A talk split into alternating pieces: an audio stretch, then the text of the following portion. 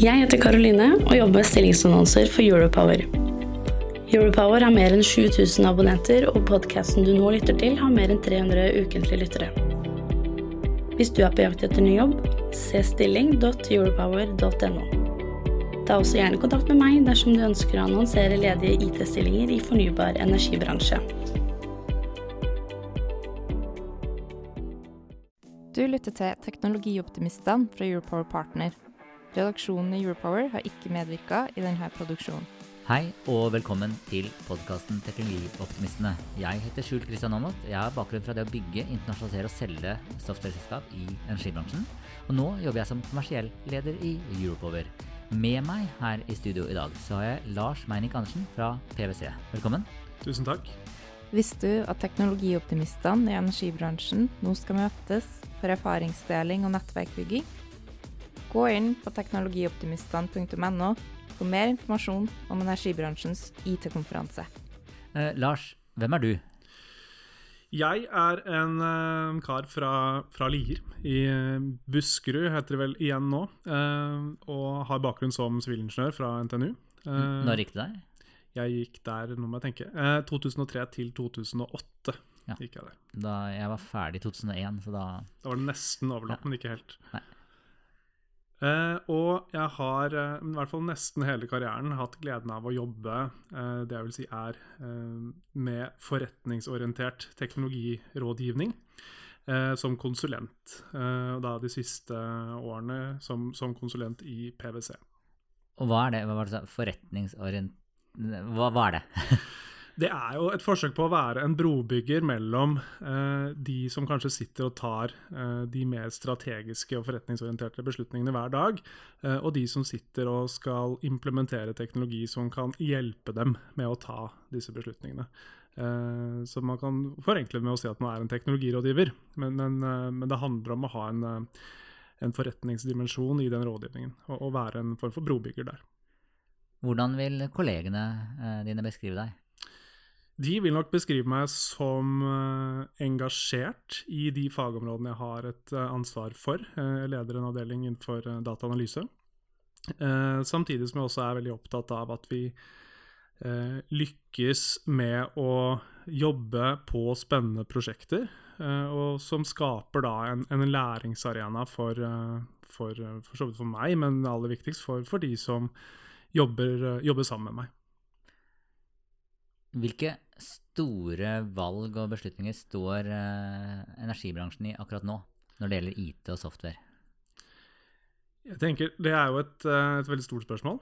Eh, Jeg tror en av de fundamentale utfordringene de står overfor, og for så vidt også beslutningene, er hvordan de skal lykkes med å utveksle informasjon, utveksle data, mer effektivt enn det de evner å gjøre nå.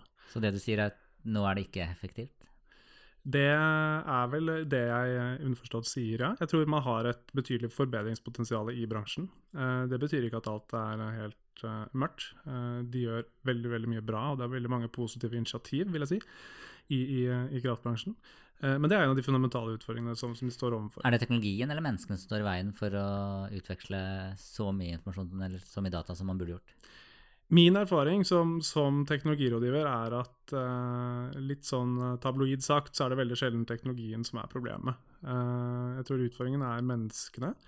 eh, I den forstand at eh, det å skulle lykkes med et, så stort digitaliseringsløft som eh, denne bransjen, og for også andre bransjer, må, må lykkes med i årene som kommer, så vil det kreve en endring i atferd fra, alt, fra ledere til eh, til de som jobber som montører eh, ute i felt. Eh, noen er jo da positive til det å ta i bruk ny teknologi, og syns det er veldig spennende. og Andre er mer skeptiske. og Så kan man jo selvfølgelig spekulere i hvorfor det er sånn. Det tror jeg handler om at mennesker er Er det aldersbetinget? Nei, det vil jeg ikke si. Du kan være Jeg opplever at det er folk som er nær pensjonsalder, i hvert fall i de selskapene vi jobber med i, i denne bransjen her, som er ekstremt, eh, ekstremt opptatt av å lære noe nytt. eh, og det å forsøke å hjelpe selskapene med å ta i bruk ny teknologi for å jobbe, jobbe mer effektivt. Eh, hvorfor skal man dele mer data? Jeg tror først og fremst så handler det jo om eh, litt den utfordringen vi som samfunn står ovenfor. Uh, eller det er jo flere utfordringer vi som samfunn står ovenfor, men, men uh, innenfor kraft så er det jo elektrifisering. Uh, og så er det litt sånn avhengig av hvem du spør. så ser man jo at behovet for å kunne distribuere strøm fra produksjon til konsument, den vil øke ganske nesten eksponentielt, det er ikke helt riktig, men, men, men den vil øke enormt de neste årene. Eh, så har jeg ikke tallene helt i hodet her, men det er eh, fra 140 TWh nå til opp mot 220-240 i 2050. Eller sagt på en litt annen måte, så må vi jo bygge, eh, bygge ut nettet, som vi har brukt 100 år på å bygge, på, på vesentlig kortere tid. Og vi kan jo ikke doble antall linjer, vi kan ikke, eller triple eller uh, firedoble.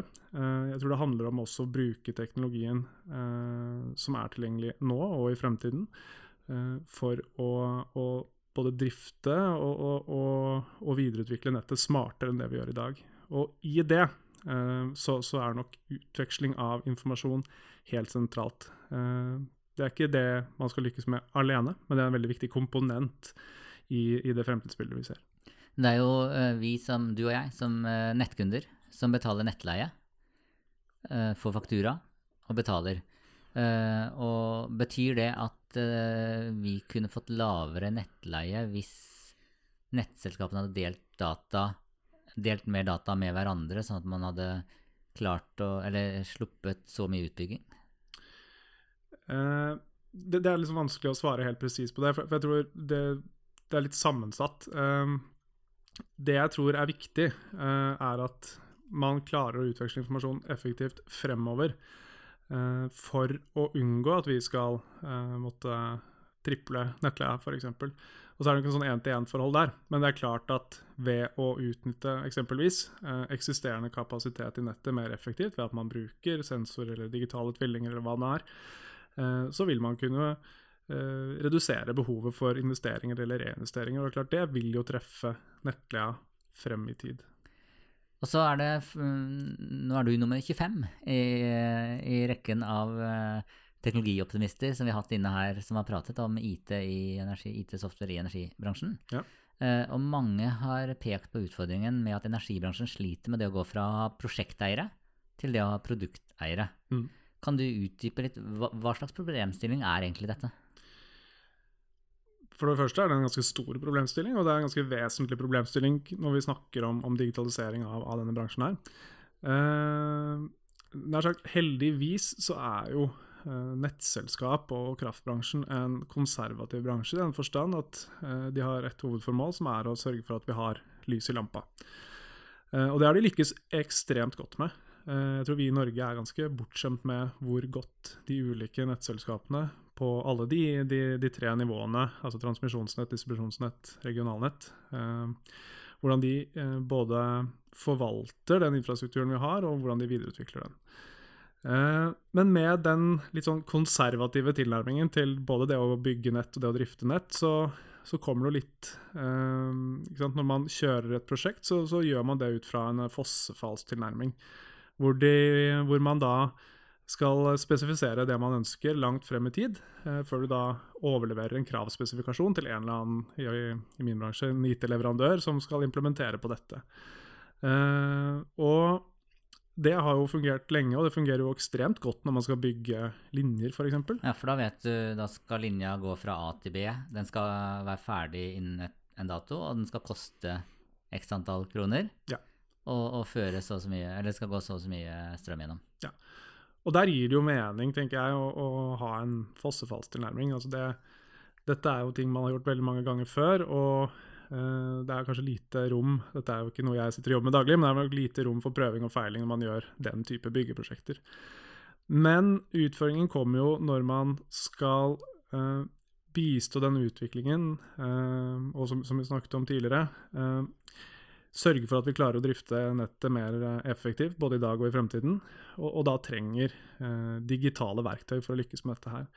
Og der, der ser vi at ved å tilnærme seg eh, i hvert fall veldig mange IT-prosjekter med den tradisjonelle fossefallstilnærmingen, så er i hvert fall risikoen ganske høy for at uh, man får uh, Man trår feil. Uh, man har kanskje ikke tenkt på alle eventualiteter. Min erfaring som, som datavarehus og, og, business intelligence um, um, prosjektleder for den type prosjekter. Der, der, har det også vært en dreining av de siste årene, hvor, hvor man naturlig nok nå jobber mer smidig. Men, men tidligere så, så, jobbet man jo der også fossefall. Og det vi så, var at du involverte sluttbruker, som man kalte det. Du involverte de veldig tidlig i prosessen, i form av at de involverte det å lage en kravspekk. Eh, og så var de med i annen, eh, et eller annet styringsgruppemøte. Eh, og fikk litt sånn innblikk i hvor er det vi ligger an nå. Og så, eh, på halen av prosjektet, så ble de involvert i testing. Og det er jo når du involverer dem i testingen du får de virkelig gode tilbakemeldingene på hva som er både bra med produktet ditt, og hva som er feil. Og venter du for lenge med det, så risikerer du å trå ganske feil. Eh, og det har man jo sett eksempel på gjennom historien både i Norge og internasjonalt, på IT-prosjekter som har mer eller mindre havarert. Og, og dette var jo uh, selvfølgelig også noe av utgangspunktet for at man fikk den smidige bevegelsen og det, det smidige manifestet tilbake i 2001. Visste du at teknologioptimistene i energibransjen nå skal møtes for erfaringsdeling og nettverkbygging? Gå inn på teknologioptimistene.no for mer informasjon om energibransjens IT-konferanse. Hvordan gjør man smidig? Ja, hvordan jobber man smidig? Uh, det finnes jo smidig-coacher, og det, finnes, altså, det er et helt univers. Det er et helt univers, og det er, det er jo fryktelig mange metodiske tilnærminger, tilnærminger man kan både velge og, og bruke. Uh, først og fremst så tror jeg det handler om uh, en endring i, i, mindset og kultur.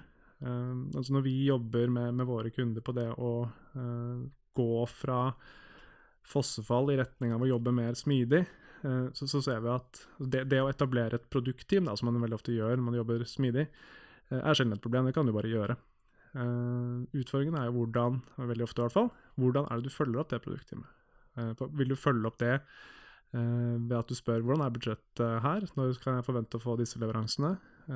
Hvordan ser tidslinjen ut fem måneder fram, seks måneder fram, ett år fram? Uh, og det er klart, da har du jo etablert, sånn et, i teorien, et produktteam som skal jobbe etter smidige prinsipper, men de har ikke forutsetningene for å jobbe etter disse smidige prinsippene. Ja, Så da blir det litt sånn som mange har sagt, at toppledelsen sier at hos oss jobber vi smidig, men så er det egentlig ikke smidig. Nei, og det skjer jo veldig, veldig ofte. Og da handler det jo om, da handler det jo om, i mitt hode, veldig mye om kultur. Uh, og kanskje også litt om, om, kompetanse, for jeg tror egentlig ikke at dette handler om vond vilje. Uh, verken i denne bransjen eller i andre bransjer. Dette handler jo om at uh, man har et ansvar.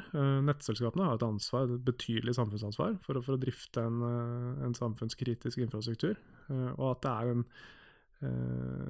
sånn form for frykt. Da. For hva, hva, betyr dette nye for oss? ja, for det, jeg tenker at Hvis jeg hadde sittet som, og vært vant til å sto, kjøre store byggeprosjekter, da. Eh, og, og, og, skrive under på ja, budsjett eh, 40 millioner for et eller annet. Mm. Og så plutselig skal eh, godkjenne et prosjekt som man ikke vet helt hvor mye koster, ikke vet helt når det er ferdig, og ikke vet helt hva er. Ja. Det er jo Hva er det man egentlig vet, da? Hva er det man vet? Jo, eh, for det, det, er også litt av nøkkelen med, med smidig. Uh, det handler jo om Altså, du skal gi disse produktteamene som jeg snakket om i stad, autonomi. Uh, og der er det fort gjort å misforstå at autonomi er lik anarki. Uh, det er jo ikke det vi ønsker. Uh, men der er det jo mye forskning som, som, peker på at når du gir et produktteam en, for, en, riktig form for autonomi Og det handler om at de skal styre seg selv? Det handler, riktig. Det handler om at de skal styre seg selv. Og når de får det, så vil de veldig ofte bli mer kreative, de vil bli mer produktive. Og dette teamet med, som består da, av tverrfaglig kompetanse, altså det kan være alt fra UX-designere til IT-utviklere til uh, folk med domenekompetanse innenfor f.eks. kraftbransjen, uh, de jobber da sammen uh, mot et mål. Og dette målet, eller det kan også være flere mål, de defineres jo gjerne da av enten om det er toppledere eller om det er mellomledere. Men de jobber jo ut ifra et sett av strategiske målsettinger som setter retning. Um, det, er jo en veldig god, god, figur på dette, her, og så er det kanskje litt vanskelig å forklare muntlig hvordan den ser ut, men sånn, jeg skal gjøre et forsøk. Ja. Litt forenklet så er det jo ikke sant, Hvis du har um, autonomi, uh, men heller ikke veldig tydelig retning. Da får, kan du få veldig mange lykkelige medarbeidere, men de løper jo alle mulige retninger, og man får jo ikke noe spesielt godt resultat ut av det. Og Så har du den andre enden hvor du har eh, veldig tydelig retning, men veldig liten grad av autonomi, som, som, litt sånn spissformulert kan si å være fossefall. Altså vi skal gå den retningen der, bygg den brua, eh, og gjør det på denne måten. Vær så god, kjør. Her er milepælsplanen, og her er eh, disse styringsgruppemøtene vi skal ha for å følge opp at dere er på tide og kost. Da får du dumme roboter. bare- Da får du litt dumme roboter, ja. Uh, og så er det da den, uh, det der ideelle scenarioet som mange ønsker seg, og som er kanskje krevende å få til. Det er jo det, nettopp det med at du har uh, stor grad av autonomi, men du også har en tydelig retning. Det betyr jo at man er, eh, man, er eh, man har disse målsetningene, disse strategiske målene som, heng, målene som henger sammen med om det er forretningsstrategien eller hva det er, eh, som gjør at produktteamet kan prioritere de oppgavene de ønsker å jobbe med, innenfor da et sett av rammer. Og det, det gjør jo da at smidige team, i hvert fall innenfor softwareutvikling, utvikling av andre typer digitale produkter, også innenfor dataanalyse og datavarehus, eh, de er mer effektive, og de treffer også bedre på produktene de leverer fra seg. Eh, og det peker jo tilbake på at du ønsker jo å iterere rundt produkter, og få tilbakemeldinger fra om det er kunder, eller om det er interne brukere, eller hva det er. Fordi det eh, gjør at du unngår disse store feilene, du fanger de opp tidlig. Og du får også helt konkrete tilbakemeldinger på om her treffer vi. Men så er vi da eh, i energibransjen. Ja. En trau, eller ta nettselskapene. Uh, og, altså, du, du nevnte at det positive med det er at de, eh, de er konservative. Og de har hatt et oppdrag, og det er å forlyse lampa. Ja. Er det, en, er det en skikkelig kulturkrasj her? Mellom det konservative, gamle og, og det nye, smidige? Ja, som kulturkrasj kan man uh, Kanskje litt voldsomt uh, å si. Jeg, jeg tror det er en, uh, mer en kulturell utfordring. Eh, Utfordring, det, det er, er ikke det som konsulentspråk for ja, eh, problem. Konsulentspråk for, for problem. Ja. Nei, men det, det, jeg tror ikke det er et kulturkrasj, men, men jeg tror det handler om at man, man trenger å skape en forståelse på tvers av både fagområder, eh, fagmiljøer, eh, nivåer i organisasjonene, på, på hva smidig er og hva det ikke er. Uh, og, og så må man heller ikke tenke at det skal erstatte alt man har gjort før, for det er jo ikke alt smidig egnes til. Uh, det kan godt hende at man kunne hatt en smidig tilnærming til det å bygge en kraftlinje, det, det vet jeg ikke, men jeg antar ut fra hva jeg vet om både prosjektledelse og, og, og, og produkteierrollen at det kanskje ikke er helt hånd i hanske. Er det noe som heter smidig fot- Vet du hva, det er det. Uh, og det, jeg, har, jeg må innrømme at jeg har ikke jeg har ikke satt meg så veldig inn i den type metodikk, fordi du har noe som heter Prince 2 Agile. Ja. Uh, Prince 2 er jo per def fossefall, Uh, og så er jo Agile ikke det. Uh, så her er det noe, noe, noe muffens som jeg kanskje bør nøste litt mer opp i, men jeg, jeg har ikke satt meg veldig inn i det. Uh, det høres litt rart ut sånn når man snakker om det. Nei, jeg har bare hørt om det, jeg vet heller ikke hva det er. Tenkte, ja, la oss finne ut det, så kan vi treffes igjen. Det kan vi gjøre. det. Det kan vi gjøre. Vi har snakka om smidig og, og fossefall. Hvis vi tar tilbake til det prosjekteier og produkteier Mm. hvis du skal, Og jeg, jeg er klar over at dette henger sammen med smidig og men hvis du skal eh, beskrive en produkteier versus en prosjekteier Prosjekteier, hva er det? Ja, en, en, produkteier altså Dette blir jo litt, litt forenklet, men, men en produkteier har jo eh, et ende-til-ende-ansvar for eh, et produkt. Altså, for å forenkle det litt, det kan være en applikasjon. ikke sant? Det kan være det, det vi bruker for å følge med på hvordan, eh, hvor mye strøm vi bruker den måneden her. Eh, og du har jo ansvar for den applikasjonen fra, fra vugge til grav. Eh, og du, du jobber jo med kontinuerlig utvikling av dette produktet, helt til man enten sanerer det, eller at det splittes opp i flere produkter, f.eks. Uh, så det er jo en form for stabil enhet i organisasjonen din. Eh, og produkteieren er heller ikke en leder. Eh, du har ikke et lederansvar, du har et, eh, mer et koordineringsansvar opp mot dette produktteamet. Eh, lederne sitte, altså lederne til de som deltar i teamet, vil fint kunne sitte andre steder i, i organisasjonen. En prosjekteier eh, har jo naturlig nok ansvaret for, for et prosjekt, og også ansvaret for prosjektet fra, fra vugge til grav. Eh, men prosjektet i sin eh, enkle form har jo en uh, veldig sånn spe, uh, spesifikk start og en, en spesifikk slutt. Uh, og Der har du kanskje noe av skillet også. Så skal du overlevere til en forvaltningsorganisasjon. En produkteier har et forvaltningsansvar for, for produktet også. Så en prosjekteier, litt forenkla sagt, har ikke noe ansvar etter at det er ferdig? Litt forenkla sagt kan du si det sånn. Og så er det vel ikke helt tilfellet. Det er jo mange prosjekter som si, aldri blir ferdig også. Men, men, men, men du skal jo Eh, i hvert fall etter læreboka, overlevere til organisasjonen. Hvem nå enn det er. altså Det kan jo være flere enheter i organisasjonen også. Hvilke feil mener du gjentas oftest når det gjelder softwareutvikling i energibransjen? Det er et uh, veldig godt uh, spørsmål. Uh, jeg tror jo det er litt inne på den tematikken vi snakker om nå. Eh, at man eh, setter i gang noe og går kanskje litt for langt i det å definere hva sluttproduktet skal være. Altså at du ikke tillater eh, Kanskje du ikke tillater å feile nok. For, for i smidig så skal man jo feire feil, fordi du lærer av det. Som sagt, man går kanskje litt for langt i det å definere. Altså du gir mindre rom for det å tenke kreativt. Man er glad i kontroll? Litt for glad i kontroll? Veldig glad i kontroll. Uh, og så tror jeg kanskje hovedfeilen er at man, man, kan opprette et smidig team som, som jobber uh, eh, 100 med, med, dette produktet. Uh, og, og, som bruker, bruker, da naturlig nok all sin tid på det, men som følges opp på samme måte som prosjekter som ikke jobber smidig. og det der er ekstremt krevende. Og, og det ser vi også at det er vanskelig for mange ledere å, å, forstå, og det er også krevende for ledere å balansere det å både skulle følge opp smidige prosjekter, eller ikke smidige prosjekter, men smidige produktteam, og, og vanlige, vanlige, prosjekter. Uh, så det er, liksom, det er en feil som ofte begås, men ikke bare i kraftbransjen eller blant nettselskap. Men jeg tror det er en veldig sånn klassisk utfordring man, man går inn i. Er det noe uh, stort skilnad mellom eh, by og land? Altså, jeg tenker på i de store byene så, så har man jo eh, større, altså mye større avdelinger på IT, og, og, og mens i, i, nettselskap langt ute så er det én, to, tre personer på IT. Altså, mm. Og da er det jo Det kan være både enklere å snu seg rundt med få ansatte på IT, og vanskeligere fordi man ikke har så mange rundt seg til å støtte. Mm. Ser du noe forskjell eh, på by og land? Det er litt vanskelig å si. Det, det jeg kan si, er at jeg tror det hviler et enormt ansvar på de største nettselskapene. Eh, på det å, å, hjelpe bransjen i å tilnærme seg de mulighetene som ligger innenfor digitalisering, og det er under det også det å jobbe mer, mer smidig, f.eks. Eh, så det hviler et enormt ansvar på de til å hjelpe da, de mindre selskapene.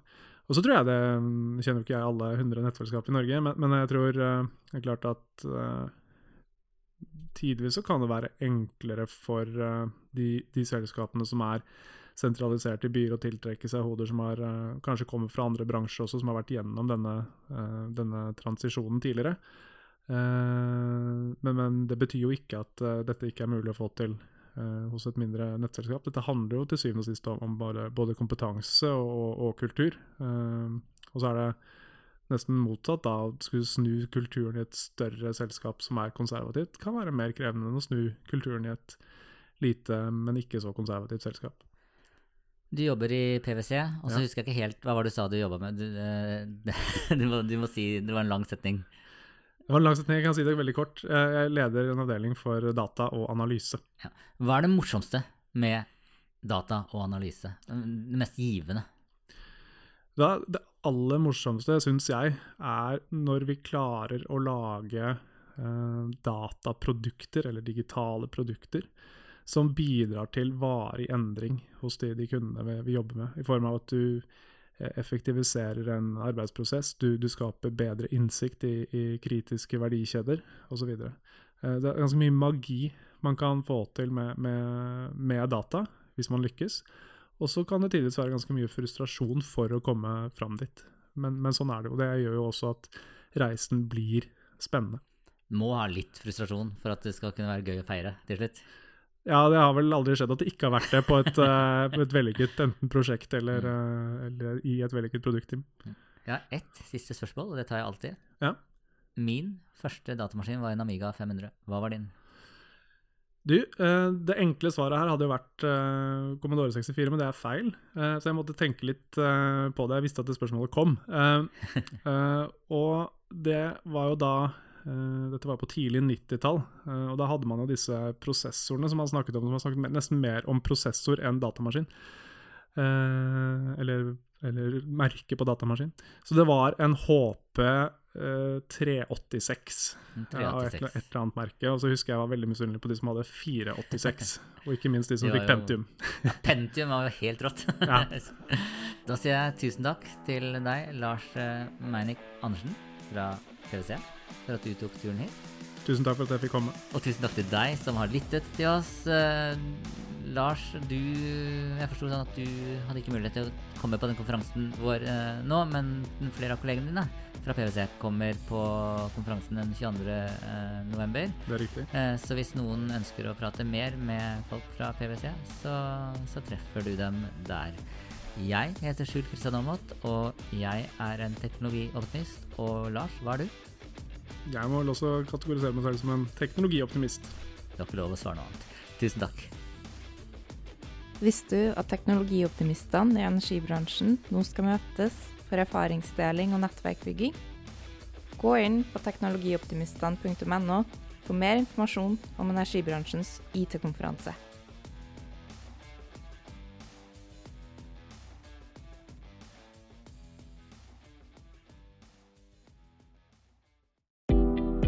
Jeg heter Karoline og jobber med stillingsannonser for Europower. Europower har mer enn 7000 abonnenter, og podkasten du nå lytter til, har mer enn 300 ukentlige lyttere.